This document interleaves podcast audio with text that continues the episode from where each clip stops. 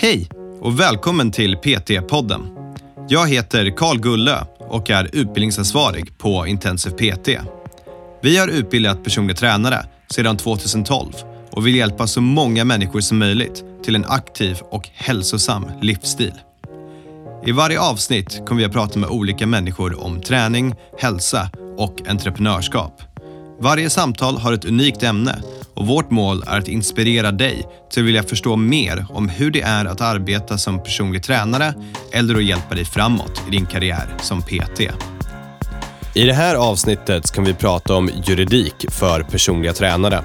Det är kanske inte världens mest spännande ämne, men det är definitivt någonting som vi behöver ha rutiner för om saker går fel.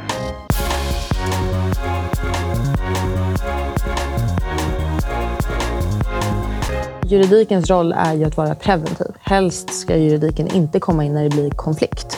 Men det, det gör den tyvärr. Det där var Fahima Adén. Hon är programledare på Juristpodden. Och vanligtvis så hjälper hon folk i rättsliga frågor, men idag så har hon lånat ut sin tid för att hjälpa oss med rättsliga frågor som rör personliga tränare. Och vet ni vad? Jag kommer skippa det här långa introt den här gången, för det är ganska självklart varför juridik är viktigt. Däremot så är det någonting vi ofta blundar för, för det är lite jobbigt att skriva de här kontrakten och ofta så känner man att man inte kan göra det själv. Så lyssna på det här avsnittet, ta hjälp av Fahima så ska vi se till att det blir betydligt mycket enklare.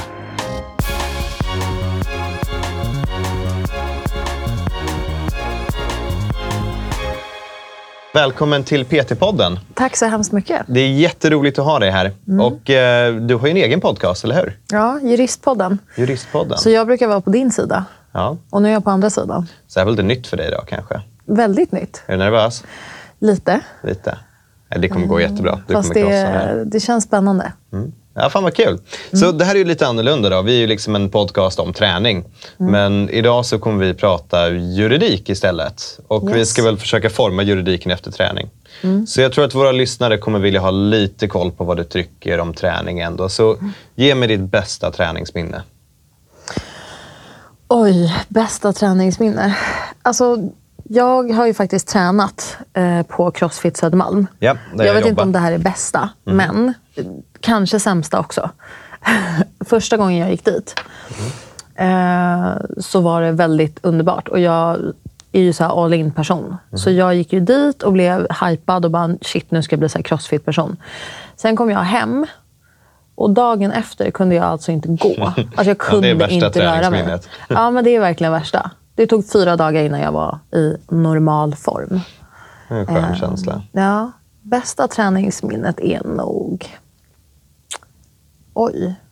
Ja, men det är nog i Bikramsalen. Jag älskar Bikramyoga.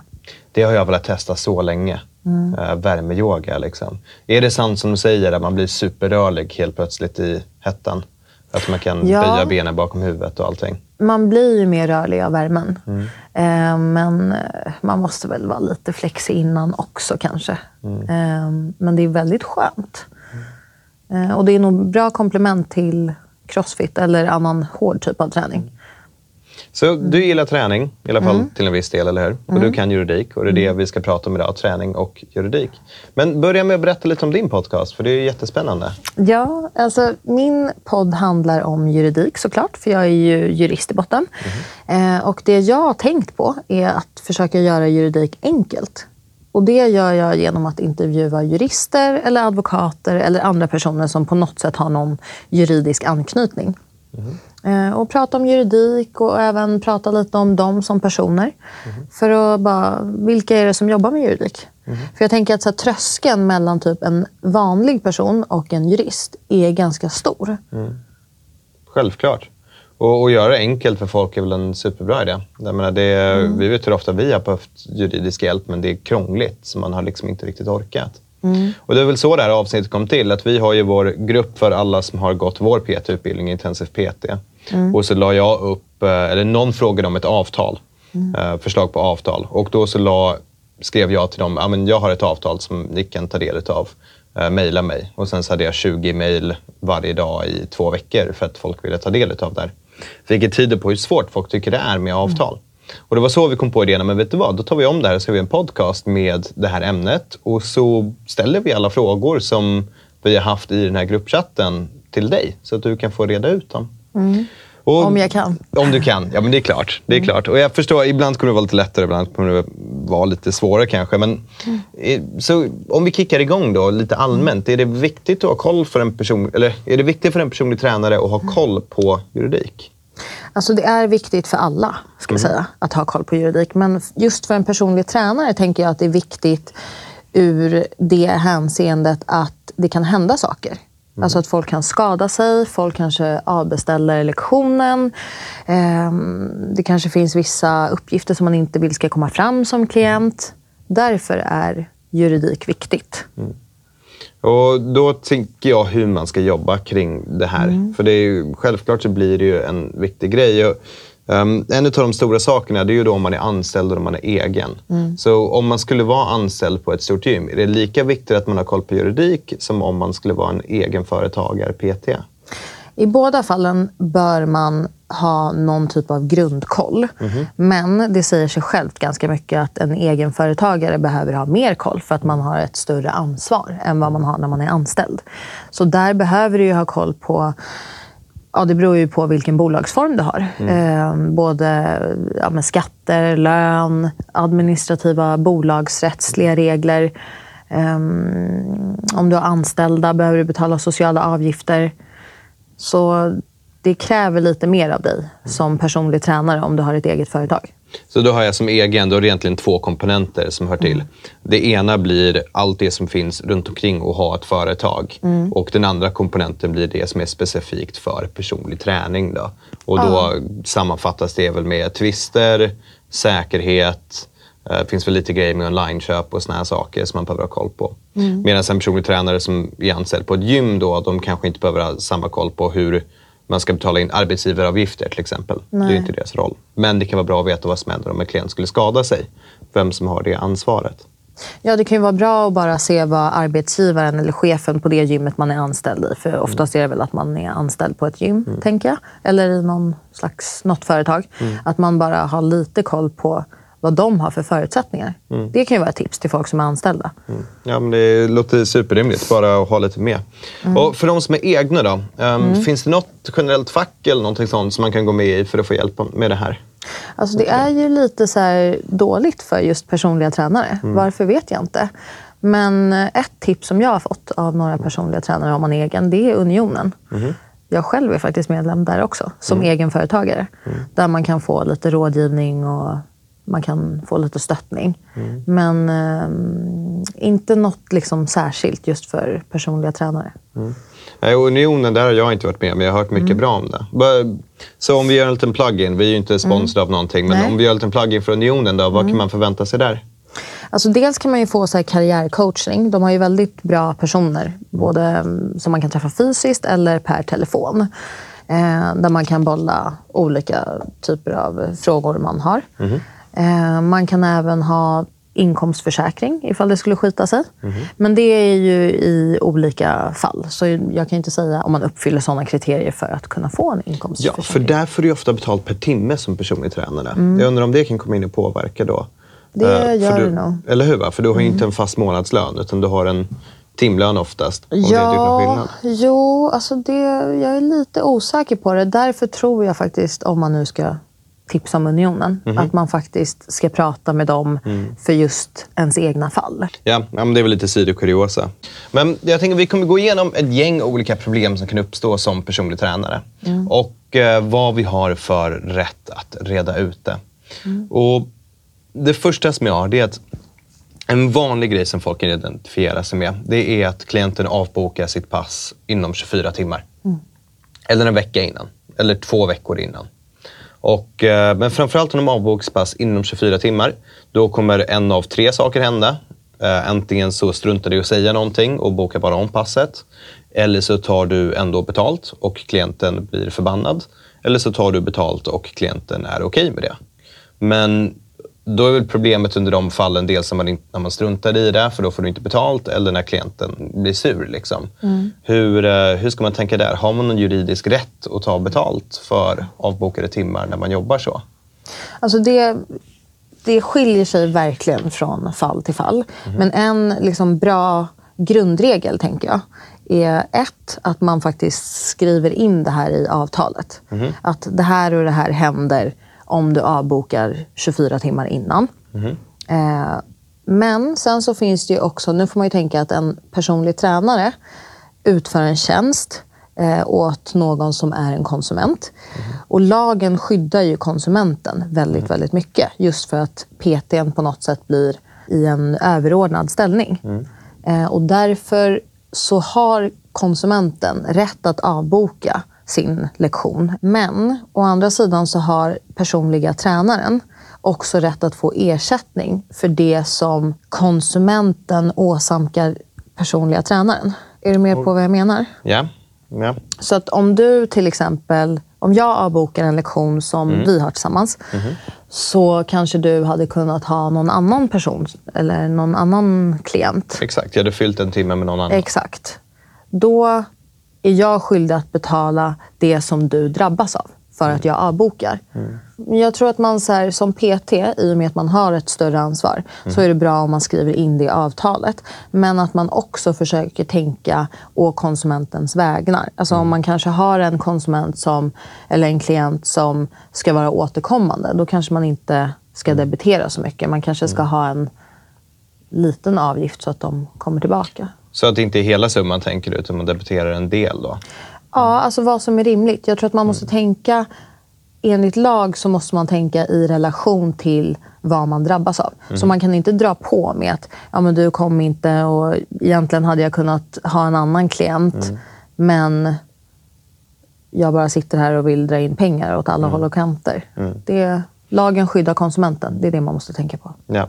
Och, men om man då sätter ett kontrakt eh, innan där man säger 24 timmars avbok och de har skrivit in det och de har, annars debiteras full timme och de avbokar. Då är det väl mer okej? Det är mer okej. Eh, men frågan är om det blir helt rimligt. Alltså säg att en PT-timme kostar 700 spänn. Nu, Det här är bara ett konkret Ja. exempel.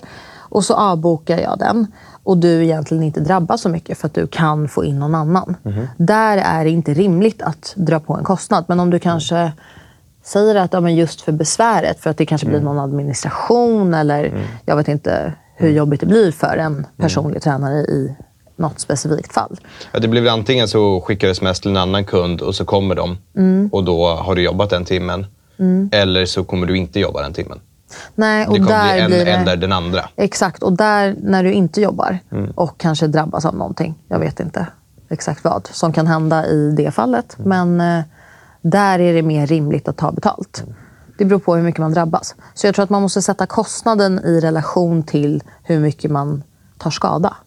Men då leder det in mig till nästa spår. Så om en klient har köpt 10 PT-timmar av mig, till exempel, men de reser bort. Så de är borta i ett halvår. Det här har faktiskt hänt. Jag hade en klient som kom efter fyra år och sa du, jag hade köpt 10 PT-timmar av dig förut. Jag har tre stycken outnyttjade. Eh, Det var fyra år sedan. Kan jag få använda dem? var på mitt svar, d- då jobbar jag inte ens som PT. Jag jobbar i en klädaffär. Och jag sa, nej, jag är ledsen. Liksom. Men hur funkar det? Men gud, då kan man ju nästan se det som att det har gått ut. Alltså, ja, då kommer vi tillbaka till vad står det i avtalet. Alltså hur länge har man den här tjänsten? Och vad tipsar du om att folk ska ha i avtalet då med den här? Är ett år rimligt? Är sex månader rimligt? Det beror nog på hur länge man hade tänkt att köra. Jag vet inte, i det fallet som du hade. hade Då hade du- de nog köpt 10 PT-timmar. Och då är ju tanken att de skulle träna en gång i veckan i 10 veckor. Så då hade du ändå tänkt dig typ ett halvår? Ehm, Kanske. Alltså någonstans däremellan. Att vara PT. Eller hur länge tänkte du Ja, hålla på ja, med jag hade tänkt, verksamheten? ja, exakt. Jag, jag började plugga och gjorde lite annat, så det var Mm. därför jag kom ifrån det. Men jag hade väl tänkt att jag skulle jobba som PT i ett år ungefär. Ja, men då, tror jag, då tänker jag att man ska tänka den tidsfristen ska vara i relation med hur länge man tänkte bedriva verksamheten. Mm. Men ett halvår, ett år är väl rimligt? För det där kan ju också bli ett problem då. Ponera att du har du försöker samla på dig kunder och så har du en eller två kunder så, som köper 10 PT-timmar. Och sen så försvinner de av någon orsak. Och det kan väl vara vad som helst. Ponera nu att de bara slutar höra av sig. Um, och sen blir du fullbokad, du fyller deras tid med någon annan. Sen kommer de tillbaka sex månader senare och säger, vet du vad, jag köpte de här timmarna, nu vill jag använda dem. Har du, men du är fullbokad. Har man någon rätt då att säga, okej, okay, fine, men inte just nu, för att nu är jag fullbokad? Ja, absolut. Det, det får man göra. Det är inte Ja. så att de måste få använda sina timmar där och då. Nej. Alltså det finns ingen eh, rätt för dem att göra det om du är fullbokad. Det är som med allt annat. Hur ska man tänka kring de klienterna då, som kommer in så ett halvår senare utan att ha av sig och vill använda sina PT-timmar? Om man inte har ett avtal eller om man har. Ja, det är väl som du säger, det kommer tillbaka till avtalet. Liksom. Men eh, om vi börjar med om man inte har ett avtal då? Om man har råkat sätta sig i skiten? Mitt tips är att börja med att prata med klienten. Nu är det fullbokat. ehm, Det här kommer ta lite tid. Försöka liksom lösa det på något sätt. Ehm, Och kan man inte lösa det tillsammans genom att prata eller försöka skapa någon lucka om det finns någon sån möjlighet, då får man ta hjälp av någon annan. Och i din expertis då, om jag skulle säga då, om någon köper 10 PT-timmar av mig. Jag tycker ett år, och det här är min liksom professionella roll, det är ganska lång tid för dem att på sig att utnyttja de 10 timmarna. Jag skulle vilja se att de utnyttjar de 10 timmarna på kanske tre, max tre månader. Egentligen så är det en gång i veckan, så det är ju tio veckor som de har på sig att utnyttja dem. Men sen kanske de blir sjuka. Så jag hade kanske sagt att ni har 14 veckor på er. Och det är ju dels för att pusha folk och faktiskt använda timmarna och få träna. Men också för att säkerställa att jag inte sitter med betalda timmar som jag måste jobba med sen. Men om jag satte då 15, tim- 15 veckor, sen kommer de här gå ut. Klart, i avtalet de skriver under. Sen kommer de vecka 16 och är sura över det. Är det en rimlig tidsram tycker du? Hade det funkat om det var en juridisk tvist? Ja, det hade det. Då är ju förutsättningarna klara. Så de har ju kun- signat det och de är ju med på det. Så då, den blir rimlig. Så om jag hade satt, Mm. men om jag hade satt fem veckor, de här tio, då, då kanske det blir mer problematiskt. Om jag sätter kortare tid än vad som är rimligt och de skulle hinna färdigt med det. Liksom. Ja, men sen, alltså det är ju... Charmen med avtal Mm. är ju att man också, det finns en avtalsfrihet. Mm. Så du kan ju sätta i princip vilka regler som helst. Sen är frågan bara om du kommer få återkommande klienter. Mm. Om du säger att man måste utnyttja 15 timmar på två veckor. Mm. Men tidsfristen, det kan du bestämma själv. Spännande. Och ehm, då kan det väl ändå leda in oss på ångerrätten hos människor. Och om vi börjar med vanlig ångerrätt. Så någon har köpt de här 10 PT-timmarna av mig. Eh, Börja med enklaste fallet. De ångrar sig. Vad, har de, vad måste jag ta hänsyn till? Vad händer där? Återigen avtalet. Nu känns det som att jag säger avtalet hela tiden. Ja, men men det är väl- är det online så är det ju 14 dagars ångerrätt. Då är det alltid 14 dagars ångerrätt oavsett vad jag skriver i ett avtal. Okej. För det är, det är mer eh, skyddsvärt just när det är online. För det kan ju hända mer saker än vad det kan göra på plats. Tänker man, tänker lagen. Eh, på plats behöver du inte ens ha ångerrätt. Du kan ju ha öppet köp eller andra regler. Men där måste du inte ha ångerrätt. Så jag måste inte ha ångerrätt och jag måste inte ha öppet köp om det är på plats. Utan då är det, så fort de har skrivit under det här pappret med pennan, då har jag dem. Liksom. Om man ska tänka Då har du lite fångat elakt. in dem ja, i ditt nät. Och sen får man förhoppningsvis leverera massa bra värde också. Ja, men sen så tänker jag alltså bara ur verksamhetssynpunkt och Ja. klient och konsumentperspektiv. Då kanske man inte... Man kanske ska vara lite schysst, Mm. för livet finns ju och det händer saker. Så man kanske ändå ska ha så här, ja, men om det här och det här händer Mm. som är utom kontroll. Alltså kanske inte förkylning, men ah, jag vet inte, man fastnar i något annat land eller man flyttar eller så. Mm. Så kanske man får tillbaka eller man kan frysa eller något. Jag gillar att köra lite good cop, bad cop du och jag just nu. Jag är liksom stenhård. Nej, men du ska betala. Punkt slut. Det står där i avtalet. Men du, du har ju helt rätt, såklart. Och det jag tänker är för de här 5% av klienterna som blir riktiga strulproblem. Då vill man ju kunna säga nej, det är så här det ser ut. Då hjälper det med tydlighet. Liksom. Sen förstår jag att det kanske blir lite elakt. Nej, men det är viktigt att vara tydlig och ha bra kommunikation. Och jag tror den här 14 dagar online-avtalet, den är viktig att ha koll på. För fler och fler människor kommer nog börja sälja sina PT-timmar online. Räkna Swish som online? Alltså alla betalningsformer online är Allt som är online är online. Det Handlar, det om betal- handlar om betalningsformen eller tjänsten? Tjänsten. Tjänsten. Mm. Så om jag erbjuder PT online, jag skickar ett träningsprogram, då är det 14 dagar. Mm. Men om de köper, om de köper 10 stycken PT-timmar via min webbshop, Mm. är det 14 dagar öppet köp då också? Ja, Om det är 10 det. timmar på plats? Ja. Men det kan även vara om du har ett gym Mhm. och säljer tjänsten på gymmet men pratar och typ utför tjänsten via telefon eller webb på Mhm. annan plats. Så det kan även vara trots att köpet har gjorts i butik eller på gymmet. Så det är om själva verksamhetsbeskrivningen är online eller om de köper någonting online som sen bedrivs på plats. Exakt. Men om de köper 10 PT-timmar av mig på plats, Mm. då är det inte 14 dagar. Nej. Eller det måste inte vara 14 Nej. dagar. Men om de köper 10 PT-timmar av mig som är på plats, men de gör det online, då är det 14 dagar. Mm. Ja. Så det är ju värt att tänka på. Alltså det ställer högre krav online. Alla som säljer någonting på nätet måste vara jättetydliga med eh, ångerrätten. Man måste vara, eh, ha koll på, är den här personen myndig? Sådana saker. Det är så små saker som man inte riktigt kan se i vanliga fall. Okej, så är den här personen myndig, Mm. eh, 14 dagar ångerrätt, vad mer borde jag ha koll på? Vilka andra små Eh, Ja, bagateller? men kanske marknadsföring. Okej. Eh, Jag tänker att man inte vilseleder folk, alltså att man inte försöker lura in folk i Mm. olika köp. Eh, För det, har man inte varit tydlig med ångerrätten, det ska jag också säga, då förlängs ångerfristen Mm. upp till ett år. Mhm. Så det, det måste man tänka på. Och den kan vara bra också om man råkar köpa någonting online som man inte vill ha. Ska man Mm. exakt. se om det var tydligt eller inte och veta Ja. själv vad man har 14 dagar. Men allting ska vara tydligt online. Mm. Ehm, kontaktuppgifter, vem är det som säljer tjänsten? Mm. Ehm, vad kostar det? Priser? Allt sånt där måste vara tydligt. Ja, och det vet jag för vi har precis skaffat Payex till en av våra verksamheter och den mängden KYC och allting jag var tvungen att gå igenom är helt otrolig. Um, och det är väl Varför då då? jättebra. Ja, men det, är, de gör, det är noggrant, vilket är väl superbra. Så att folk vet eh, när vi gör onlineavtal och onlineköp vad det är som förväntas fram och tillbaka. Så det är tydlighet. Men okej, då är jag, min, jag, jag är med nu på att om någon köper 10 PT-timmar av mig på plats och om de betalar cash till exempel, då är det det avtalet som jag har lagt upp åt dem.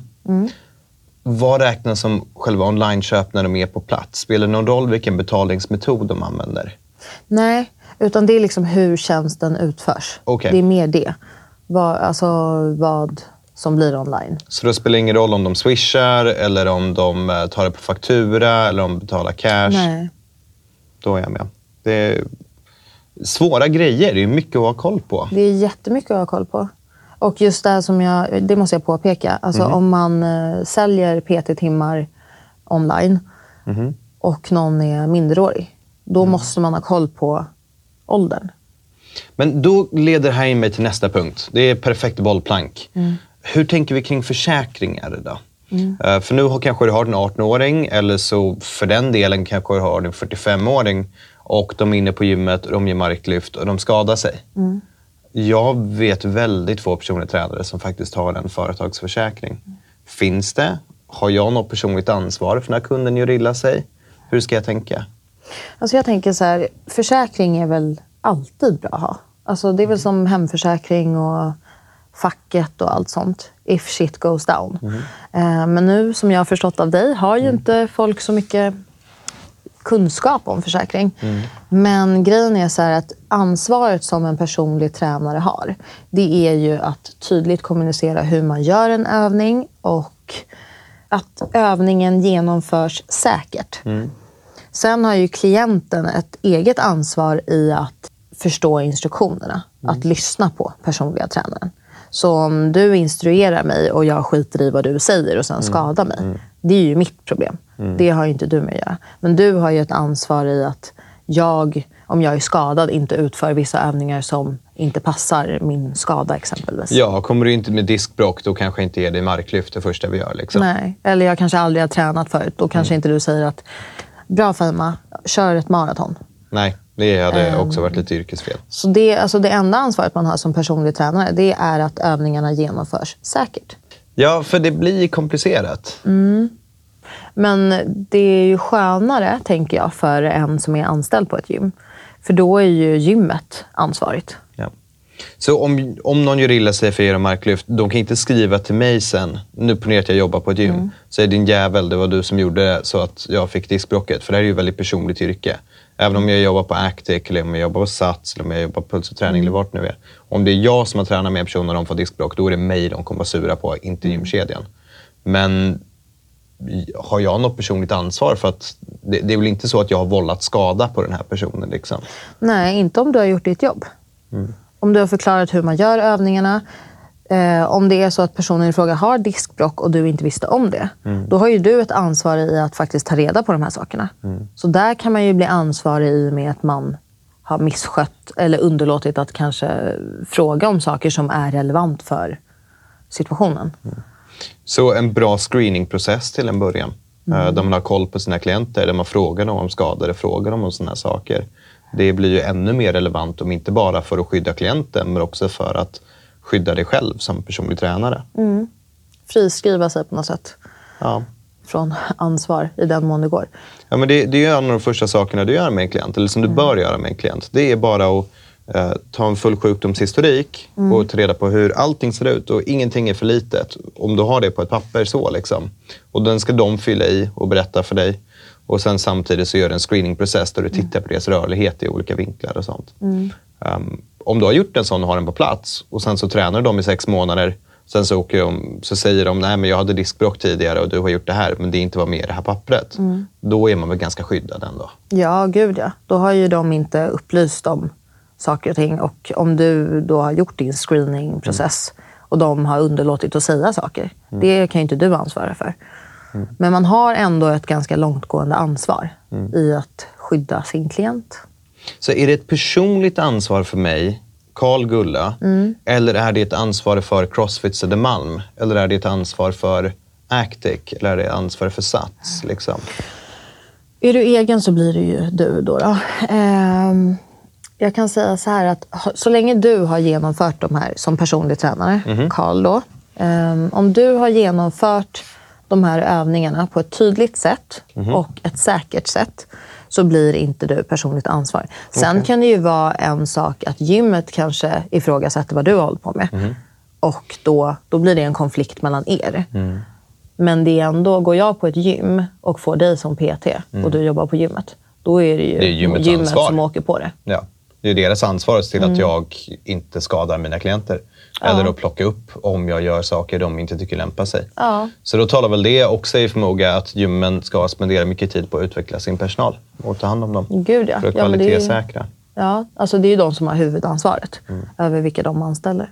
Och om vi vänder på det, så blir det också att om du är anställd på ett gym och du mm. vill friskriva dig själv, då behöver du be personalen kanske, dina, de som jobbar över dig, att göra utvärderingar och se och skriva att de tycker att du gör ett bra jobb. Mm. Så att om en klient skulle skada sig, då kan inte de vända sig om helt plötsligt och säga att den här PTn har alltid varit värdelös. Um, utan att faktiskt försöka hjälpa, ha en track record på att man är bra. Mm. Är du med på hur jag tänker? Mm. Ja, absolut. Jag håller med dig. Och återigen avtalet. Vad signar man? Vad står i anställningsavtalet? Alltså ja. hur mycket är man ansvarig för? Det kan ju också vara så att företaget kanske skriver att du är ansvarig för det mesta, att de friskriver sig. Mm. Det måste man också... Det är en egen relation mm. att ta hänsyn till också. Och där får man väl kanske vara lite försiktig kanske också. Ja, men det, det tåls att säga. Är du anställd på ett gym som mm. personlig tränare, mm. kolla vad gymmet har för försäkringar. Mm. Betaltvisterna då? Mm. Att en kund ska ha betalat eller jag skickar ut en faktura Mm. Vi ska ha tränat 10 stycken PT-timmar. Vi kanske har gjort fem. Mm. Och jag har skickat ut en faktura och de betalar den inte, helt enkelt. Sen kanske de slutar dyka upp på träningen. Mm. Vad har jag för laglig rätt här att driva in de pengarna? Det är ju som vanliga räkningar. Ehm, påminnelse. Ja man kan, om man vill vara schysst så kan man ju prata med personen, om man nu känner den. Eller, det beror ju på i vilken omfattning eller hur stort gym man har eller mm. hur många kunder man har. Men eh, man kan prata med klienten, påminnelse, ytterligare en påminnelse. Och sen har vi Kronofogden mm. som man kan ansöka om betalningsföreläggande. Man kan även kontakta ett inkassoföretag där de då kan hjälpa dig att driva in den här skulden. Och i sista hand tingsrätten. Man kanske inte vill stämma sin klient, men det, Det går att vet man göra aldrig. det. Har de köpt eh, 20 PT-timmar och tränat alla 20 men vägrar betala sin faktura, då Mm. hade jag stämt dem direkt. Förhopp om, förhoppningsvis hade jag tjänat mer pengar på det. Men eh, alltså att inte själva stämningsansökan kostar mer än vad det är om de hade betalat. Liksom. Nej, alltså det är en jobbigare process. Men eh, mitt tips är nog att man i det första i första fakturan som man skriver så skriver man att om du inte betalar så kommer det här hända. Då får du en påminnelse. Om du inte betalar påminnelse 1 eller om man nu vill skriva det direkt eh, så får du betala en avgift om 500 kronor. Sen går det vidare till inkasso. Ja. Och där brukar folk lägga på dröjsmålsränta och sånt Mm. också. Vad är, finns det en siffra som är standard eller får man lägga lite vad man vill? Alltså man kan ju, dröjsmålsränta är ju enligt räntelagen. Ja. Nu kan inte jag exakt den, men det går att googla. Och Det finns ett svar. Ja, det finns ett svar. Om man är matematisk. Man behöver inte räkna ut det, det finns det. Det är bara att googla. Ehm, då kan man lägga på dröjsmålsränta från och med förfallodag. Mhm. Eh, sen kan man även lägga på, nå- några som är duktiga på att dra in pengar, det är ju CSN. Mm. De har ju en avgift om 500 kronor om du inte betalar i tid. Och det står ju tydligt. Och det är det de tjänar pengar på. Mm. De tjänar väldigt mycket pengar på det. Och de får också in pengar. Ja, självklart. Och så, ja, så skulle man kunna ha en sån enkel sak, för det ska ju betalas.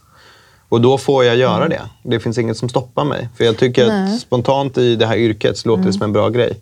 Det gäller att uppfostra eh, sina kunder att förstå hur betalningarna ska ske. Mm. Um, och väldigt ofta är folk mer benägna, om du har en faktura från Tele2, ponera nu att du kanske inte är så bra ekonomiskt lagd, men du har en faktura från Tele2 och du har en faktura av din PT. Den för Tele2 är ju snyggt utskriven, du vet hur den ser ut, du vet vad som händer om du inte betalar.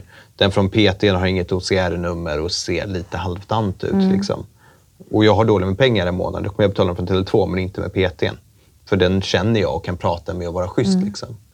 Men om, då hade det varit helt okej för mig att ha så att påminnelsefakturan får en 500 kronor avgift. Och då kommer klienten lära sig ganska fort att jo, jag är visst stenhård. Ja, du kommer ju skapa en praxis som gör att folk skärper sig Ja. ganska illa kvickt. Alltså jag tänker på p-böter och CSN och alla de här. Det betalar man ju med en gång. Ja. Skatter. Ja. Alltså det är ju bara att göra som de gör. Lägg på en avgift så... och så det får betalar jag göra enligt lagen. Ja, det får du. Men du måste informera om att du ska göra det. Och på tal om att uppdatera avtal, då, att om de har skrivit under avtalet, hur länge gäller det? Är det vad man har skrivit i avtalet? eller? Mm. Men det är inte så att det gäller, alltså om du inte har skrivit ett slutdatum då? Hur länge gäller det då? Då är det tills vidare skulle jag nog säga. Fast har du inte skrivit någonting, då får du ju lite problem. Okej, det har varit jätteintressant. Då är jag inne på skyddade titlar. Då. Hur funkar det?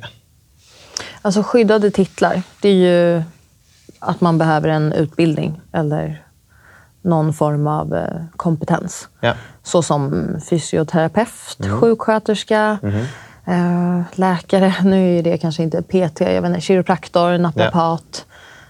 Det är skyddade titlar. Ja. Och det krävs att man läser ja, en utbildning eller har en viss kompetens.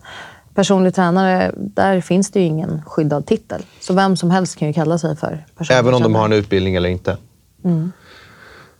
Jag är med. Och det är ju det är lite problematiskt. Väldigt problematiskt. Det har ju varit eh, lite på tapeten. Mm. Att många utger sig för att vara PTs men inte riktigt kan saker och ting och bluffar. Och jag tror där är det väl att definiera vilken omfattning av roll en personlig tränare ska ha. Om det är att hjälpa med motivation eller om det är att hjälpa folk med träningsprogram och så vidare. Det är ju rätt knepigt för att ha ganska många hattar som PT. Ja, jag tänker att det man får gå på då är väl kanske om man letar efter en PT. Det är att man kanske då kollar på vad har den här personen för kompetens? Mm. Eller tar reda på det. Vad kan den här personen? Och för mig så är det ganska självklart, inte bara för att jag driver en PT-utbildning, men ska du jobba som personlig tränare, då ska du ha någon typ av licens i bagaget. Sen spelar det egentligen ingen större roll om det är från Intensive PT, eller om det är från Eleiko, eller om det är Academy, eller vad det är ifrån. Um, just i form av att du ska ha utbildat dig.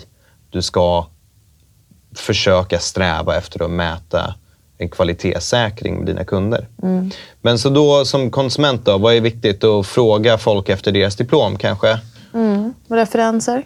Referenser tror jag är en ganska bra grej också. Vilka har de tränat? Vart har de varit? Det märker man ju ganska snabbt om det är något som är bluffigt. Då kan vi titta på aktiebolag och enskild firma. Då. För det är ju lite olika bolagsformer. Sen är det handelsbolag, men det är så komplicerat så det släpper vi. Ehm, de flesta börjar med en enskild firma och sen skaffar aktiebolag. Men kan inte du redogöra lite skillnaden vad det är mellan de här och vad man ska tänka sig? Alltså den största skillnaden är väl att man är personligt ansvarig när man har enskild firma. Och det är man inte när man har aktiebolag, utan då är aktiebolaget det som drar på sig skulder och Okej. har tillgångar. Och det här tror jag folk inte håller koll på. För om man till exempel skulle hamna i något problem med skulder och exempelvis Kronofogden. Har du ett aktiebolag så hamnar ju inte du själv i problem. Men har du en enskild firma, alltså då tar de ju alla dina tillgångar du har. Det är du som blir, hamnar i konkurs. Din person hamnar i konkurs. Och det kan man ju bara se på enskild firma. Där blir ju själva organisationsnumret blir ju ditt personnummer. Så det är verkligen du som är ansvarig. Och har du tillgångar som bil eller bostadsrätt, ja då åker ju det med i ditt företag. Så det blir svårt att skilja på jobb och privatliv, alltså rent ekonomiskt. Jag har ju haft enskild firma i fyra år. Nu har jag äntligen sagt upp det sedan två år sedan, vilket var skönt. Men det är ju väldigt svårt att särskilja pengar som kommer in. Dels vart det kommer ifrån, men att tänka vad av det här är lön, vad av det här är inte lön, hur ska jag räkna? Och jag var ju konstant rädd för att få en stor skattesmäll vid något tillfälle eh, som jag kände att jag inte hade råd att betala för jag hade inte riktigt koll på vart mina cashflows kom ifrån på de olika sätten. Ja men exakt, det är just det som är problemet. Det blir lite rörigare. Så om folk har en enskild firma, vad har du för tips då? Alltså bolla med någon som kan det här med bokföring eh, så att man inte hamnar i skiten. Eh, jag är själv inte jättebra på det. Jag har en revisor för det, jag kan inte någon, så mycket om ekonomi. Men det här ska man ju lyssna på. En jurist har en revisor. Ja, Då gud, ska ja. en PT ha det också. Ja, förmodligen. alltså om man har råd med det. Ja. Alltså har man koll så är det ju jättebra. Men de flesta har inte koll. De Mm. flesta blir ju stressade när det kommer såna här skattedatum och Mm. det är deklarationer. Och... Så enskild firma är liksom bra om man har en liten verksamhet. Och, och där kan jag väl tillägga som ett råd som har haft Mm. enskild firma ganska länge att det, det är ganska svårt i början men allt finns väldigt tydligt på Skatteverkets hemsida och verksamt och de Mm. förklarar det väldigt tydligt för dig. Och om man ringer dem så är de väldigt snälla och hjälpsamma. Så funderar du på att starta företag så är enskild firma ett bra alternativ Mm. om du ska ha en liten kundkrets. Mm. Och du kommer få hjälp. Men gå för i helvete inte att låna massa pengar. Kanske inte dra på massa leasingavgifter för dyr gymutrustning och sådana saker. Nej, verkligen Det hade ju varit fel. Okej, så då har vi Mm. enskild, eh, enskild firma. Aktiebolaget då? Vad kan fördelarna vara där? Att du inte hamnar i konkurs själv. Ja, så vad händer om jag har ett aktiebolag och jag drar på Mm. mig massa leasingavgifter, jag köper roddmaskiner och skivstänger eh, och sen så kan jag inte betala Mm. längre? Det är bolaget som hamnar i likviditet eller Mm. konkurs. Så det är liksom det är en egen eh, en juridisk person. Då, då. Det, är, det är frånskilt dig som privatperson. Så jag får behålla mitt egna hus då Ja. och min bil. Ja. Men bolaget stängs ner. Blir Mm. jag påverkad på något annat sätt? Får jag fortfarande ta lån eller får jag prick i registret? Alltså du kan ju, det beror ju på vad som har hänt. Men eh, du kan få prick och du kan få åka dit på massa avgifter. Men det, det beror på vad det är som har hänt. Okej. Om du inte har betalat skatter eller är det deklarationer som inte har lämnats in i tid? Är det slarv eller är det för att du inte har pengar? Det kan hända mycket beroende på. Så om det skulle skita sig, vilket Mm. vi hoppas att det inte gör för de som lyssnar, utan att det går bra. Prata med Skatteverket. Gå inte och göm er för problemen i sådana fall. För det är då de stora problemen kommer. Utan Ja, gud, ja. kommunicera. Ta tag i allting. Och oftast så kan man ju lösa allting innan saker och ting händer. Det är det som är så skönt. Man kan ju bara lyfta på luren eller mejla eller chatta eller vad man nu vill göra. Och kanske försöka skjuta upp betalningar eller någonting. Ja, alltså jag skämtar inte. Skatteverket är världens trevligaste människor att prata med. Um, de är sjukt hjälpsamma med alla olika problem och besvär som man kan ha för sånt här. Och jag har spenderat många timmar i telefon med Skatteverket. Mm, jag med. Så vi, vi kör våra sista grejer här då. Det här har varit jättespännande hittills och jag tror att det är mycket förvirring men det är också så det är i det här. Men allt kommer ner till de här avtalen. Det verkar vara den viktigaste punkten. Och då har jag två frågor. Den första, vad bör jag ha med i ett avtal för att det ska vara ett bra avtal? Och det andra, kan jag skriva det här Eller behöv, måste jag ha professionell hjälp för att skriva det? Alltså jag skulle säga att avtalet är liksom ramverket. Eh, därför är det bra. Och juridikens roll är ju att vara preventiv. Helst ska juridiken inte komma in när det blir konflikt. Men det, det gör den tyvärr. Många gånger så tänker man inte på avtal innan något har hänt. I avtalen så tycker jag att man ska ha tidsangivelser. Ja. Hur länge håller avtalet? Avbeställning.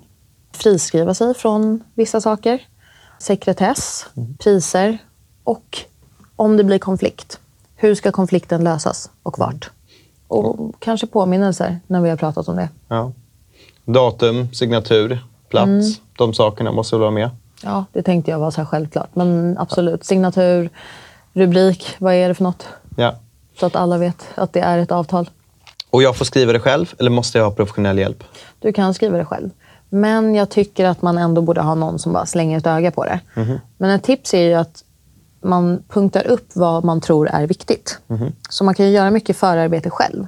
Man kan ju googla. Vi har ju avtal 24, Lawline, Google. Ja. Så man kan ju tänka mycket själv. Då slipper man betala så mycket för den tjänsten. Och sen kan man punkta upp och sen bara bolla med en jurist eller någon som har väldigt bra koll. Så att det man tänker kommer till uttryck på ett konkret sätt. Och där kan man väl tillägga att det här är ju, om vi tittar på de avtalen som kommer vara grund för alla dina kunder. Liksom. Se till att den sitter. Spendera 2-3 tusen kronor eller vad det nu kommer kosta på att det där är riktigt bra. För de pengarna kommer du få igen när det blir någon sorts twist fram och tillbaka. Och du kommer få igen det om inget annat i form av huvudvärk när någonting inte går som det går. Gud ja. Alltså, det här har varit fantastiskt. Ehm, har du någonting mer du vill tillägga? Jo, en, sak, en Ja. punkt till i avtalet. Eh, öppet köp och ångerrätt och det här som du var inne på. Hur länge kan man förbruka PT-timmar? Bra. Så bara skriva ner allting. Alla tankar. Ja, fantastiskt, grymt. Fahima, det har varit jätteroligt att ha dig här. Ehm, om folk vill veta mer om dig, vad ska de gå in och kolla då? Då kan de kolla på leftlawyers.com, Okej. Och så ska de lyssna på, Juristpodden. ja men självklart. Och får personliga tränare höra av sig till dig om de behöver hjälp? Självklart, alla är välkomna. Alla är jag ser välkomna. fram emot det här. Perfekt, grymt. Tack så mycket. Tack så mycket för att jag fick vara med.